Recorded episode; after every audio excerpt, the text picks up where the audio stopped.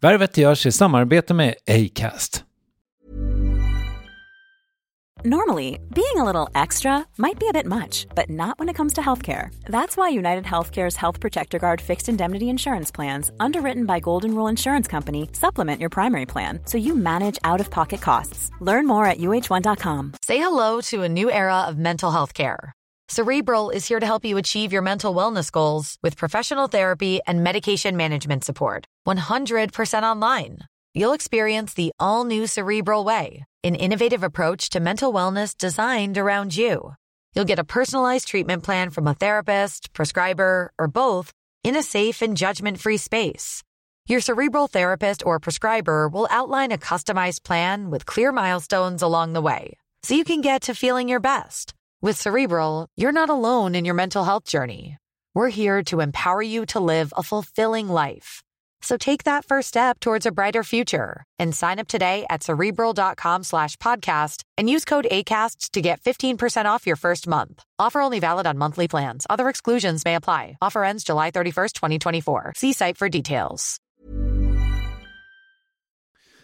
Värvet har ett samarbete med Telia, ett telekombolag som knappt behöver någon vidare introduktion. Det är ju Telia som till exempel driver 5G-utvecklingen framåt i Sverige och som har landets bästa nät enligt oberoende undersökningen Umlaut 2023. Ja, Telia är så förknippat med kvalitet att det liksom spiller över i världen i övrigt. Saker är Telia eller så är de inte det. Nyligen uppstod det ett nytt ljud här i ateljén som jag inte förstod var det kom ifrån. Det lät så här. Det var inte Telia för mig som jobbar med just ljud, men efter lite detektivarbete visade det sig att det var någon slags bakmaskin som hen en trappa upp hade införskaffat och med en lätt justering av placeringen slutade den låta ner till mig. Att ta till mötesgående grannar, det är Telia. En sak som verkligen inte är Telia för oss som jobbar med kunder också, det är när de inte får tag på oss. Det finns det dock bot på. Telefonväxeln Telia Smart Connect, en molnbaserad växel med extremt låga trösklar och massa smarta funktioner. När jag hörde vad Telia Smart Connect eh, kan göra tänkte jag, okej, okay, det där har ju ingen företagare råd med. Men den kostar otroligt mycket mindre än man tror. Så om du vill att ditt företag ska ha tid att jobba mer effektivt, missa färre samtal och ha mer flow i tillvaron, mer Telia helt enkelt, ja, då föreslår jag att du börjar på telia.se företag. Stort tack Telia och Telia Smart Connect. Hallå! Du lyssnar på kortversionen av Värvet. Varför tycker jag det är så jobbigt ibland med sociala sammanhang? Jo, för att jag förväntas vara rolig och det handlar ju också om krav på sig själv. Så det har säkert varit ett skydd i så här, jag vill inte att det ska bli en dålig stämning. Jag tar på mig det här. I förlängningen kan bli utmattande då. När man är på en möhippa i ett dygn med 15 tindrande ögon som jag tror då vill ha en show av mig.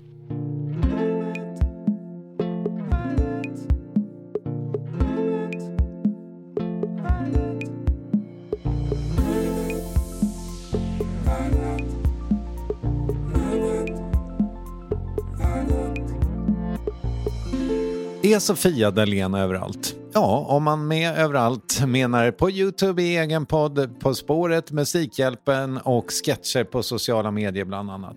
Och huruvida det finns en strategi för det där, var hon syns, hur revy blev en stor del av hennes liv och huruvida att bli ihop med en tjej skapade reaktioner i bibelbältet, det avhandlas i Värvets eh, avsnitt 611 som inleds med en avslappningsövning. Här är Sofia Dalén. Och när du känt efter, efter känslor, så går vi vidare till tankarna. Vad är det som snurrar där uppe? Se om du kan notera dem och sen släppa taget om dem.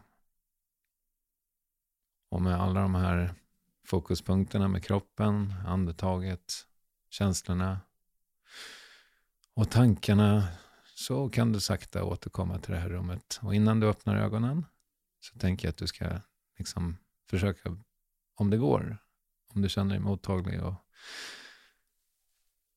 avslappnad, att du försöker bibehålla den känslan i kroppen på något sätt. Så. Välkommen till Värvet. Tack. Händer det något? Ja, det där är så skönt. Mm. Du märkte säkert när jag kom in att jag är en lite så här virvelvindsperson. Mm. Och så vill jag prata och Och sen så fort jag blundar så, blir, så snurrar det i huvudet. Alltså jag blir så här yr typ av att göra den här grejen. Men vi fick mindfulness-seminarium en gång på Sveriges Radio. En otrolig förmån måste jag säga. Med en underbar kvinna som heter Kristina Spegel. Tydligen gammal skådis. Men alltså hon var så bra. Och jag var väldigt anti så här att göra de här sittningarna. Att man skulle landa in inför de här mötena. För jag tänkte, jag är redan närvarande. Du vet som man tänker. Jag kom direkt från gymmet och hade kört ett lunchpass. Och, och eh, sen när jag väl kom ner i varv och satte siffror på andetagen och sen väl fick öppna ögonen, då var det som att allting var kristallklart. Mm. Vilket jag trodde att det var innan, men det var, var det absolut inte. Precis, du har ju lite sådana här grejer för dig. Ja.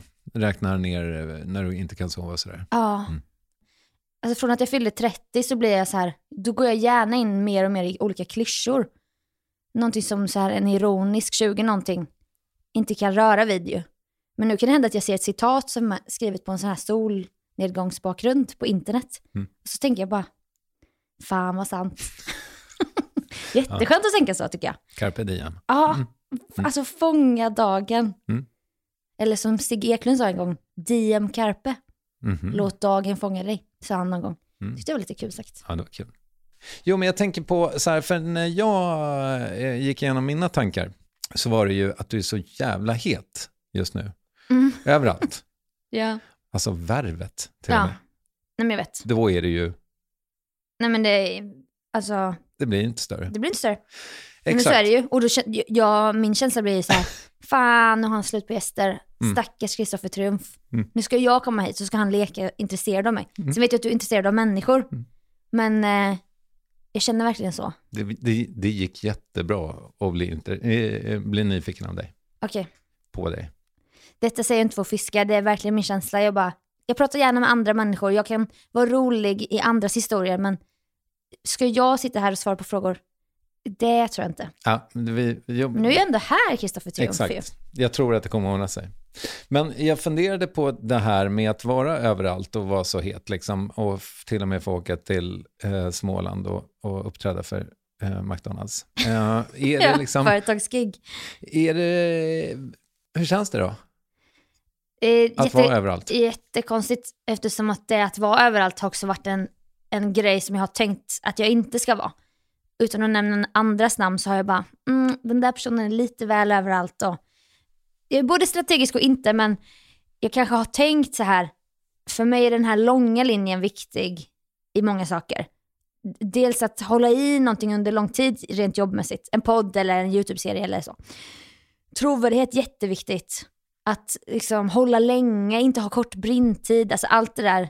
För jag vill ju jobba med det här länge och testa massa olika saker. Och den här förän- eller väldigt så här snabba tiden gör kanske att fler poppar upp och försvinner. Mm.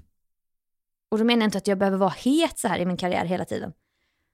Men man vill inte heller att någon ska tröttna på en och bara det här jävla ansiktet igen. Mm. Nu får hon sluta med sitt, sitt skal eller vad hon håller på med. Som folk som nu skriver. Varför har du mask på dig? Du behöver inte ha en mask. Skriver de det? Om det? Ja, några skriver, skriver det ibland när, när fler hittar till paradrätten nu så. Ofta när det kanske är nya som inte har satt sig in i mitt språk eller min ton eller min och Kalles vänskap eller liknande. Mm. Då kan det komma sådana. Ja, okej. Det är ju spä- både spännande och alltså kränkande såklart. Tar du åt dig? Jag är så dålig på att ta kritik ibland. För jag tycker att eh, jag ger ju det jag kan. Och det finns ingen skyldighet att så här ge allt. Det finns ju många sådana profiler. Som man upplever i alla fall ger sitt innersta. Mm. Eh, Jag kanske inte är en sån person. De flesta är ju snälla. Mm. Alltså som klyschan lyder. Det räcker med en dålig kommentar för att man ska ta illa upp. Eh, Det är verkligen sant. Mm. Klyschorna återigen. Mm. Jag älskar klyschor. Men nu lät det lite grann som att du ändå, alltså om du är så strategisk, om du är rädd för den korta brintiden så att säga, Mm. då, är det ju, då borde du ju kanske ha tackat nej till något av de grejerna och sagt så här, men vet ni vad, jag är jättegärna med På spåret, men kan vi ta det nästa år?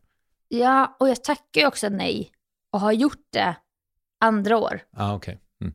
Eh, som jag tänker så här, det där kommer nog någon annan gång. Mm. På spåret känns det som att, kommer den frågan, därom tvistade lärde för många skulle jag aldrig tacka ja till På spåret. Och jag har nog glömt lite, vad gjorde jag 2023? Min impuls säger mig att jag inte gjorde massa stora tv-grejer. Mm. Men sen kom På spåret och Musikhjälpen och liksom kom samtidigt. Och det var ju såklart en sån grej jag hade kunnat krit- kritisera någon annan för. Och bara, åh, alltså välj lite med omsorg. Mm. Men, ehm, Men det är svårt när det är tre månader mellan inspelningarna också kanske. Eller ja men också kul. Jag, alltså, jag älskar ju den där skiten. Mm. Jag älskar radio, jag älskar, jag älskar inte alltid tv, men underhållning. Och då om någon frågar, vill du och Kalle vara med På spåret? Då kände inte jag för att säga nej. Även om det var läskigt för att det finns en så kallad fallhöjd. Nu kanske det inte finns det i mitt fall, för jag är inte en uttalat intellektuell vetenskapsjournalist eller liknande. Mm. Så det var ju bara en rolig erfarenhet. Försökte jag intala mig dagarna innan inspelningen när jag tänkte så här, varför gör jag det här? Och så tänkte jag, just det, det är ett underhållningsprogram. Jag jobbar ju med underhållning. Mm. Vill de ha experterna, ja då skulle de inte ringt mig. Nej, just det. kan ju Mm. andra fylla de skorna. Mm. Lena Nordlund eller Johan Hilton. Ja, just det, att man kan, vara liksom, man kan vara bra fast man inte är, är duktig. Ja, Mm. och så talas det bakom kulisserna om att man kan vinna allmänbildningsmatchen. Men man kan också vinna underhållningsmatchen. Nu säger inte jag vilken av dem jag och Kalle vann. Nej. Men vi hade pluspoäng på ena sidan av Ja. ett av dessa Mm. rubriker. Jag fattar. Ja. Men, men äh, återigen då till det strategiska, liksom. för det är, var, var det här någonting du ville och när, hur länge har du velat det? Och, så, alltså, Vilket? ja, men allt det här, att vara en medieperson så att säga. Ja, eh, jag valde ju liksom, eh, det kom ett så kallat klassiskt vägval när jag var 22 kanske. När jag höll på med dans och jag hade bott lite utomlands, jag höll på sådär med mina grejer. Dans och revy och sånt. Var det utomlands? Eh, New York på Broadway Dance Center. Okej. Mm. ingen så här svår skola att komma in på, utan du betalar ju din termin eller x antal terminer. Så är det mycket så här med folk som pluggar i Santa Monica. Det är inte så att det är som att komma in på Harvard, ska, ska ingen tro. Jag har pluggat, pluggat comedy i eh, Los Angeles faktiskt. Ja, och en termin kostade Nej, det, det var en helgkurs. Helgkurs. Ja, Ja, men men, det du har ju ändå pluggat i. USA, Ja. studerat i USA. Och jag var där ett halvår och så dansade. Mm. Och sen tänkte jag, ja, nu är den åldern när jag ska ta tag i mitt liv.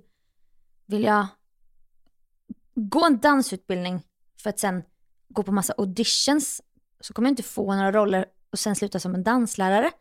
Inget fel på det, men är det det jag vill göra med mitt liv? Nej, tänkte jag då. Och så ehm, insåg jag att just det, jag kom ju på radio under gymnasiet för jag orkade inte göra ett sånt här collage eller en powerpoint-presentation på naturkunskapen. Så gjorde jag ett radioprogram istället. Vilket jag tyckte var så här, det roligaste jag hade gjort typ. La in ljudeffekter av stöveltramp och pratade om pellets och sånt. olika sätt att, eh, ja men olika värme, vad heter det? Pellets Ja. och sånt. Ja, hur man, Ja, det är ingen, ja. Ingen naturvetare men du förstår. Energislag? Nej, till exempel. Ja. Ah, skog och mark och sånt. Ja. så då bara, jag bara, just det, jag älskar ju att skriva, jag älskar radio. Jag är en konsument av, P3 var ju, alltså det var ju min liksom, unikt av mig att gilla P3 på, under min ungdom. Men så var det. Och då tänkte jag, det hade varit kul. Så då gjorde jag det istället. Så jag tror att den drömmen vecklades ut så här väldigt ostrategiskt egentligen. Mm. Men jag hade vissa program i bakhuvudet. Främst morgonpasset i P3 då som var så här Matri- Martina Kodjo och Hanna-tiden. Älskade, älskade, älskade. Lyssnade tillbaka på så här favoritprogram och poddar och grejer. Och sen så kom det upp något mer i bakhuvudet. Ja, ah, Melodifestivalen, Musikhjälpen. Och sen har jag bara kört på den grejen. Och så har det funkat. Mm. För det är inte så svårt. Nej, okej. Det kan vara lite svårt att få in foten kanske. Det är svårt. Ja. Men själva, oh det måste varit så svårt. Nej. Det var bara att jobba mycket som var svaret. Typ. Mm. Så en, i, vägvalet i New York blev helt enkelt att gå... Nej, då hade du redan gått journalistutbildningen. Nej. Nej, det var att gå journalistutbildningen. Mm. Och då upptäckte jag ju ännu mer skärmen med radio.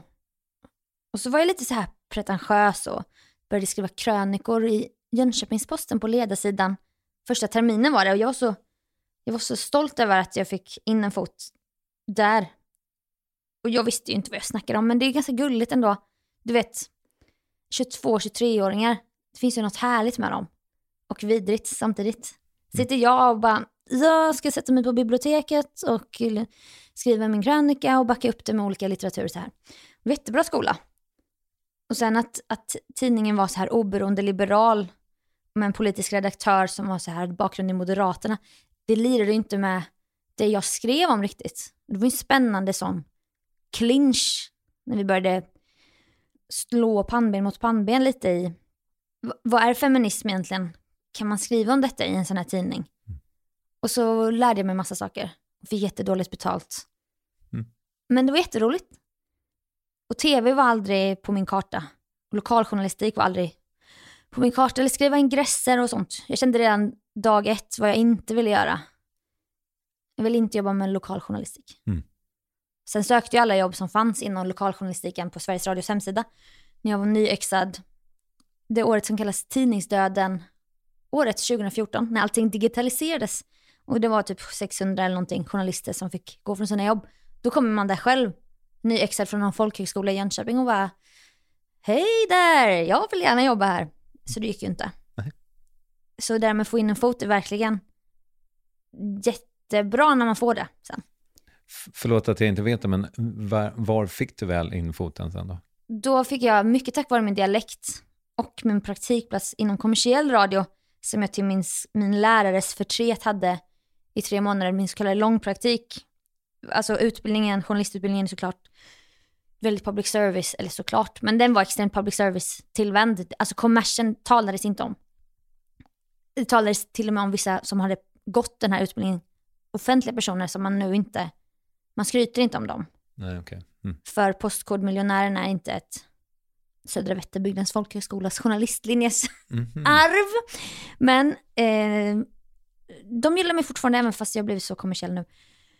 Så att då fick jag in en fot på P3 Star som var en ny satsning på Just det. en gammal webbkanal som låg och rullade som reservkanal på så kallat webben. Mm. Och då anställde de människor med olika dialekter för att det skulle spegla landet Sverige och inte bara Stockholm och Malmö och Göteborg. Så då kunde jag använda mig det gamla rådet jag fick på min första praktik på P4 Skaraborg i Skövde. Förlora aldrig din dialekt. Det är Nej. det enda du har som gör dig unik, sa någon. Mm. Det var ju kul sagt. Ja, det, var, det är ju inte så dumt att ha en dialekt tycker jag. Nej, och du har ju också en dialekt. Berätta om den. Den är stockholmsk. För du är från Stockholm. Jag är från Strängnäs. Ja. Läste du inte alls på innan du kom hit?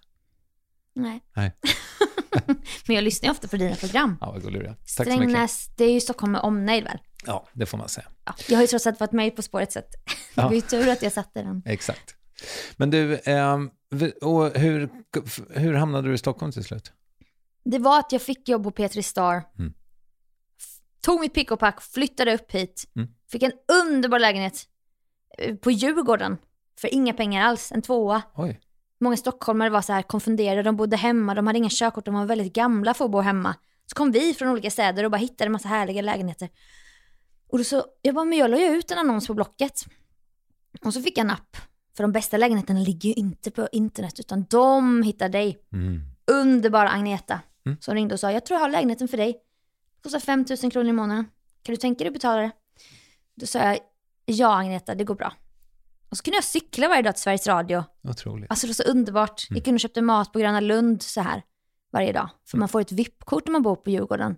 Till Skansen Gröna Lund. Ja. Som en förmån. Jag vet inte om det är så här bullerkompensation eller något.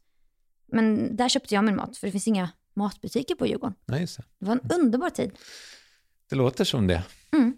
Och ibland åkte jag en karusell på Gröna Lund och kände hur lycklig jag var. Mm. Och någon gång så skrek jag så här, jag älskar mitt liv. När jag åkte i någon sån här berg dalbana. För det var det jag gjorde. Mm. Älskade ditt liv. Ja, det. Mm. Och jag älskar fortfarande mitt liv. Men det var så, det var något med att vara 25, nykär, nytt jobb, ny stad, slippa att gå i mina egna gamla fotspår hemma i Jönköping. Mm. Eftersom att jag två år tidigare då hade varit i New York. Den käftsmällen att komma hem till Jönköping och springa runt Munksjön istället för att springa så här över Brooklyn Bridge. Det är fru alltså fruktansvärt deppigt. Mm. Så jag älskar att komma till Stockholm. Sen har det inte varit så här att jag velat ta mig in i någon cool klick eller så. Och det tror jag har hjälpt mig för att då hade jag säkert känt att det var stängt. För att det finns ju sådana klickar. Mm. Men jag har inte varit så intresserad av dem. Och då har det liksom inte gjort någonting. Och just därför har de älskat dig antar jag? Eller? Eh, klickarna? Ja. Mm, ja, men kanske på ett guilty pleasure-plan i alla fall när jag började göra sketcher på Insta. Bara, du är rolig. Mm. Och så. Eh, ja, men det här är intressant för att jag, det, jag undrar om det här, är det här en konflikt i dig på något sätt? Att du, för du sa i tv för ett par år sedan att du liksom är en tönt. Ja, jag säger det ibland. Mm. Och det är pinsamt att säga. Men du, nu, att- nu sa du ju precis, också fast utan att säga att du är en tönt. Ja. Och det är jag nog eh, i min egen självbild i alla fall. Men jag har ju min uppfattning om vad som är coolt och inte. Sen tycker jag att det är töntigt att försöka vara cool. Så det försöker jag i alla fall inte vara. Nej, nej. För jag vet bättre än så. Mm. Jag kanske har försökt det olika flöden på Insta, man skulle ha så färgkoordinerat och nej, nej.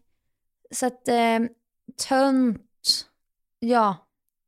Men jag älskar också andra töntar. Och det är ofta de jag blir vän med. Okej. Mm. Och det är kanske är de som blir coola sen. Mm. Och då kallar jag inte mig själv cool, men Kalle Möller som jag gör paradrätten med till exempel. Ja, just det. Mm. Han var liksom inte den populära killen på Östra Real. Nej. Men jag tycker han är jättecool. Han, han har en unik stil. Ja, det får man säga. Personlighetsmässigt och Mm. klädmässigt. Väldigt duktig på att hålla på med konsten också. Jätteduktig. Och väldigt allmänbildad, förkovrad person. Ja. Beundrar mycket. Snyggt. Mm. Eh, men jag tror att väldigt, väldigt, väldigt många som lyssnar kanske kan relatera till det där att man inte är liksom, det finns någon klick som man inte är välkommen i då, eller att, att Ja. man inte känner sig välkommen i det. Nej, precis. Och då kan ju det spela olika stor roll för en. Ja. Det låter inte som att det spelar jättestor roll för dig. Nej, det gör inte det. Och då tänker jag ju mer jag bara fortsätter göra så kallat min grej med mina vänner och folk som jag gillar så kommer ju det bli jättebra för mig.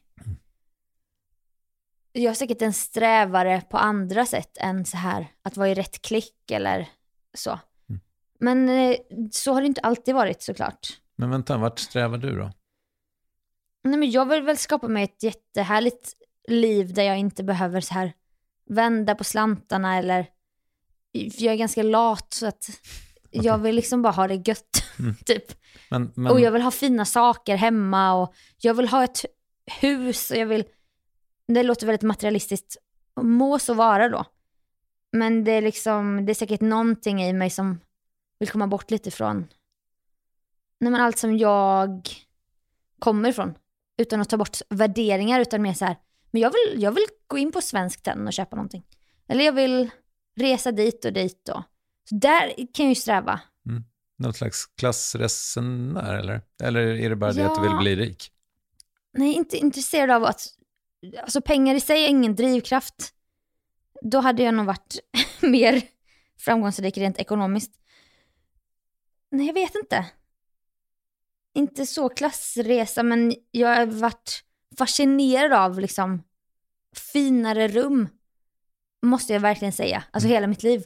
Och jag har bråkat med mina föräldrar mycket om massa olika saker. De är liksom supervettiga outdoor-människor, scouter från en annan tid liksom. Mm. Som inte bryr sig om att man ska inte vara för ytlig eller det här med kläder och materialism och sånt. De är, alltså alla deras värderingar, toppen. Men, Men jag har varit mycket i- mer ytlig och, och du kan inte ha dem i ditt liv längre. Nej, nej, vi har sagt sagt upp kontakten.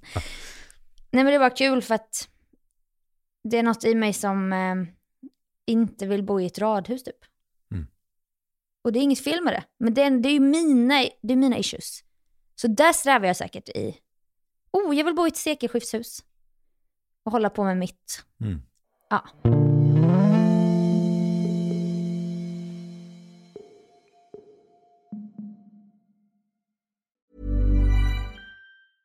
Want flexibility? Take yoga. Want flexibility with your health insurance? Check out United Healthcare Insurance Plans. Underwritten by Golden Rule Insurance Company, they offer flexible, budget friendly medical, dental, and vision coverage that may be right for you. More at uh1.com. Say hello to a new era of mental health care.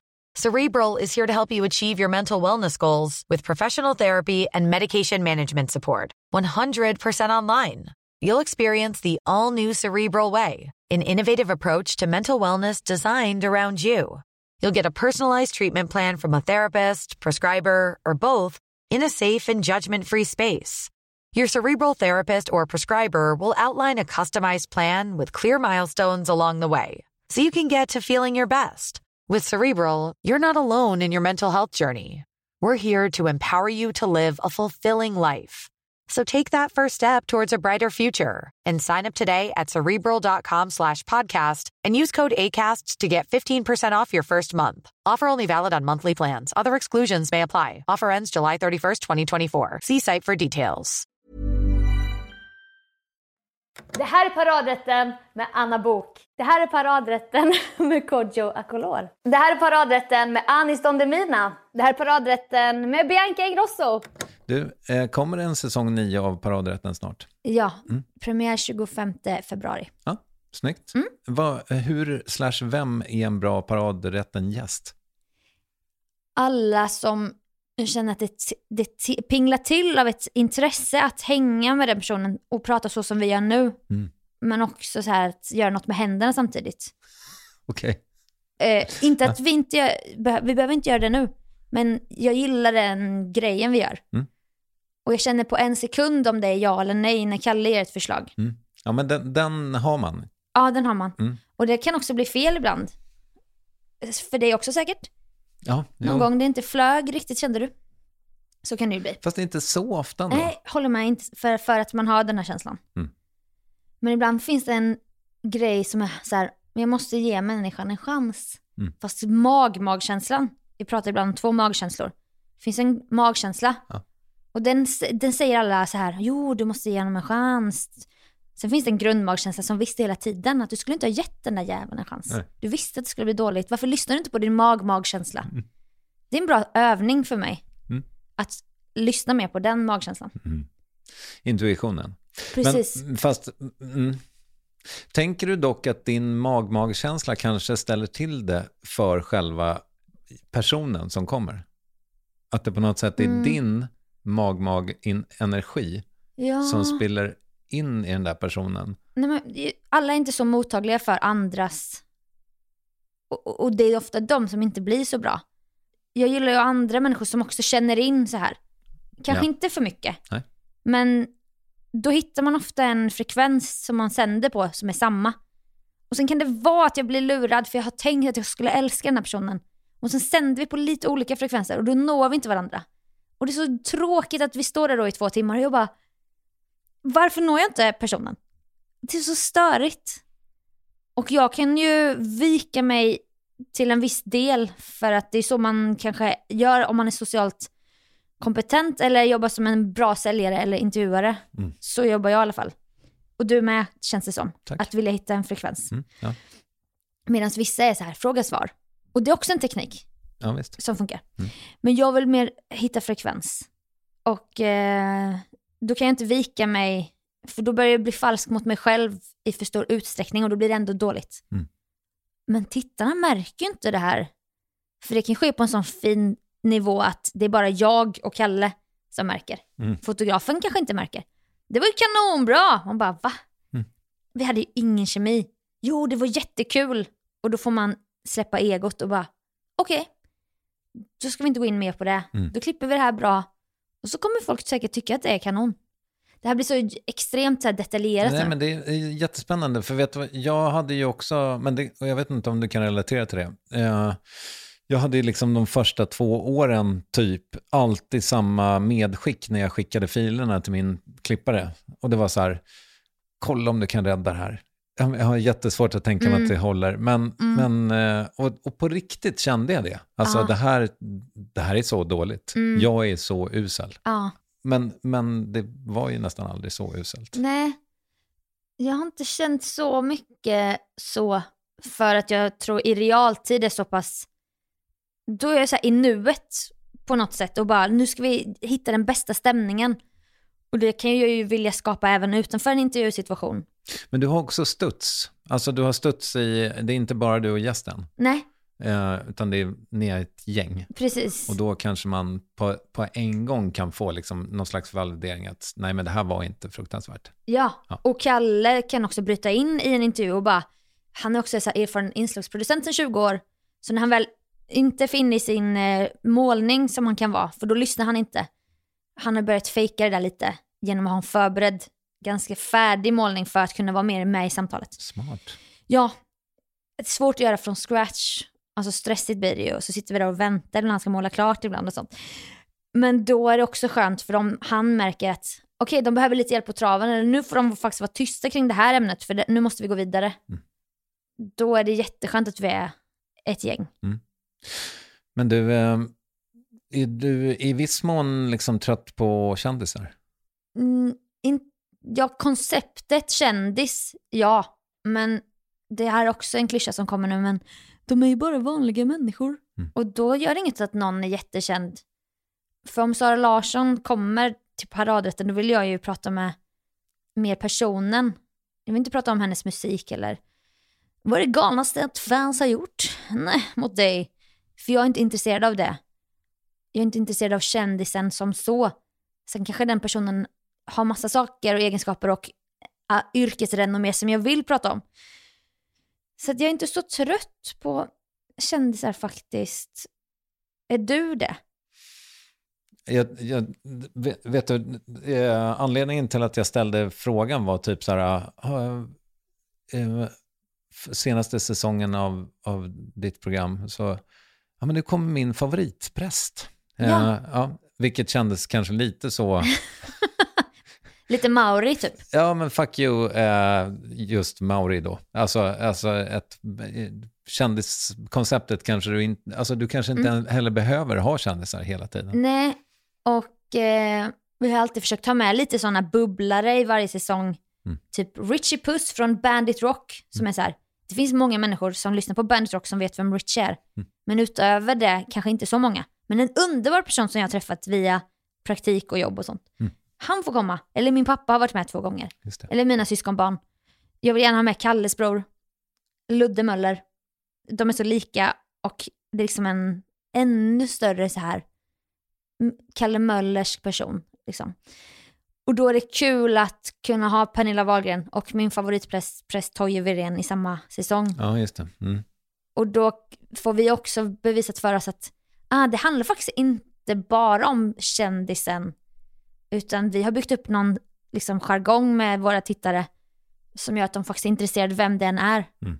Utan att behöva gå hela vägen får vi följa med, för att dra en Filip Fredrik-referens, även om det hade varit kul såklart. Så här, en asfaltsläggare lagar sin paradrätt. Mm. kanske kommer hända någon gång, men Mm. mixen är kul, Ja. tycker jag. Du, vi var på lite, dina känslor lite i början. Ehm, och min producent som har hjälpt mig att skriva de här undrade liksom, har du använt humor som ett slags eh, sköld?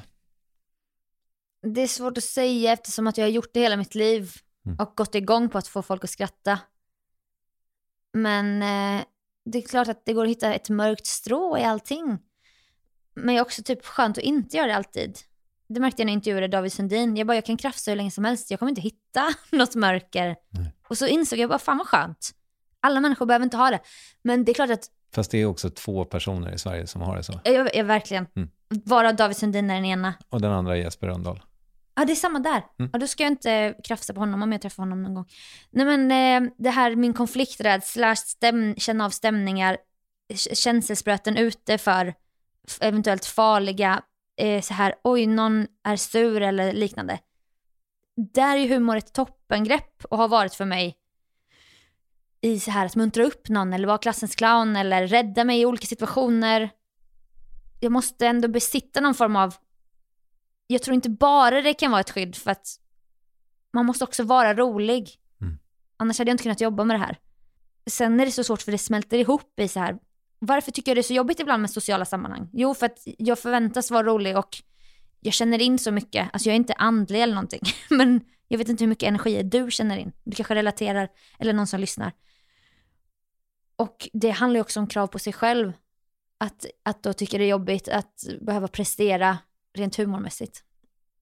Så det har säkert varit ett skydd i så här, jag vill inte att det ska bli en dålig stämning. Jag tar på mig det här. Gänget, jag löser det här. Inga problem. I förlängningen kan bli utmattande då. När man är på en möhippa i ett dygn med 15 tindrande ögon, ögonpar av härliga tjejor som jag tror då vill ha en show av mig. Och då ger dem det och sen går jag in i väggen rent socialt efter några timmar. Mm. Kanske måste ta till då alkoholens härliga värld. Mm. Som den inte är alltid, men för att orka med fortsättningen på möhippan typ. Mm. Oj, det, det, här kunde bli en jätte så här, rubrik att jag vänder mig till alkohol för att orka, det var inte så jag menade. Det här, du kan sluta prata, vi har klippt bort allting efter det. Bra. eh, nej men, eh, det är, för jag funderar också på det här med att eh, du är ju väldigt duktig liksom på att hitta något slags jargong. Jag känner att jag, liksom, jag kommer in i det med dig nästan. Jag älskar jargong. Ja. Men samtidigt så, finns, så, kan, så är väl det också kanske ett skydd mot allvaret på något sätt. Eller liksom en... Eller? Ja. Det kanske inte finns en motsättning. Men det är nog det de som skriver kommentarer att jag har på mig en mask och ja, så precis. menar säkert. Mm. Men jag kanske inte alltid... Jag tror jag kan vara bra på att prata allvar i de rum där det liksom landar rätt i så här. Stjärnorna stod rätt nu när vi, vi tre vänner satt och spelade TP och sen kom in på något samtal. Alltså så som man gör vänner emellan. Mm. Eller ibland familj eller liknande. Du kan prata hur mycket allvar som helst. Jag älskar att analysera saker och prata om allvarliga saker. Men i mitt jobb just nu befinner jag mig på en plats där det finns väldigt mycket humor. Där då allvaret blir... Nej, jag vet inte. Om man kollar på paradrätten så kan man nog uppleva att jag pratar ganska mycket om allvarliga saker. Mm. Men om man bara slår på Karina Bergfeldt eller min Insta så kommer man inte hitta det. Eller att jag raljerar eller... Det, det går ju det, det, går inte, det är svårt att skapa sig en nyanserad bild av någon det, den här podden underlättar ju i att skapa en nyanserad bild. Så det vill jag tacka för. Ja, det var det lilla. Och att jag känner mig trygg nog att, att göra det liksom. Mm. Men jag är nog ganska allvarlig också. Vad är du rädd för? Vad är din största rädsla? Eh, att, att någon skulle ha några slags negativa känslor kring mig efter att jag har gjort någonting. Alltså att någon är sur på mig eller besviken på mig eller arg på mig eller så. Mm inte så mycket i jobbet. Där kan jag vara ganska, peka med hela handen och inte vara så rädd. Men rent privat, i mina närmsta relationer. Men det finns inte, du, in, du har ingen rädsla för att det ska ta slut liksom? Att du ska just bli överexponerad eller cancelled eller? Cancelled? ja, vi skojar om det ibland i paradrätten. Och jag märker ju det här med att pilla med handen i getingboet. Att jag vill använda min humor och se hur långt jag kan stretcha grejer ibland. Men jag förväntar mig mer av en eh, eventuell tittare eller följare än att ta någonting bokstavligt och sen cancella mig. Det här med en nyanserad bild, så önskar jag att flera, att vi alla kan tänka om varandra. Om du säger någonting som jag anser stötande, då kommer inte jag döma hela dig utifrån den sägningen. Då tänker jag, ah, undrar vad som framkallade att han sa så, eller oj, den personen verkar ha den här grejen. Alltså vrida och vända på grejer cancelkulturen är jättefarlig tror jag. Och har bidragit till mycket dåligt. I vad jag anser cancelkultur som jag ser det just nu. Mm, är rädd att det ska ta slut. Nej, för jag tänker att jag bestämmer ju det till viss del. Om jag inte är en ond person eller gör helt sjuka grejer, då kommer jag kunna stå på någon revyscen och tjäna noll kronor hela mitt liv om jag vill. Mm. En ideell revy. Jag kan starta en egen revy om, om Åkersberga-revyn cancelar mig. Och så kan jag jobba i en matbutik eller på en restaurang. Eller, jag kommer säkert kunna få något jobb där jag kan tjäna pengar. Och ändå jobba med humor på, viss, på vissa sätt. Eller bara, oh jag skriver en bok. Som är Så kul. jag tror inte att det kommer ta slut. Och så här dödsångest har jag inte fått ännu. Det kommer komma säkert någon gång. Men det är ganska skönt att inte ha det. Det låter underbart. Ja, Tack så mycket för att du kom. tack för att jag fick komma.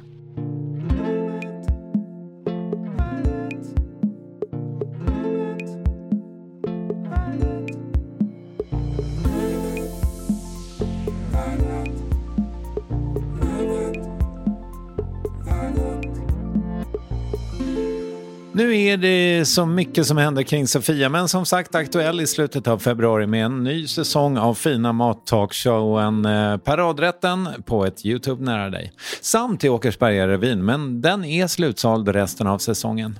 Värvet produceras av Ninni Westin, leds av mig, Kristoffer Triumf och hostas av Acast. Vi hörs om max en vecka, eh, hoppas jag innerligt. Hej svej!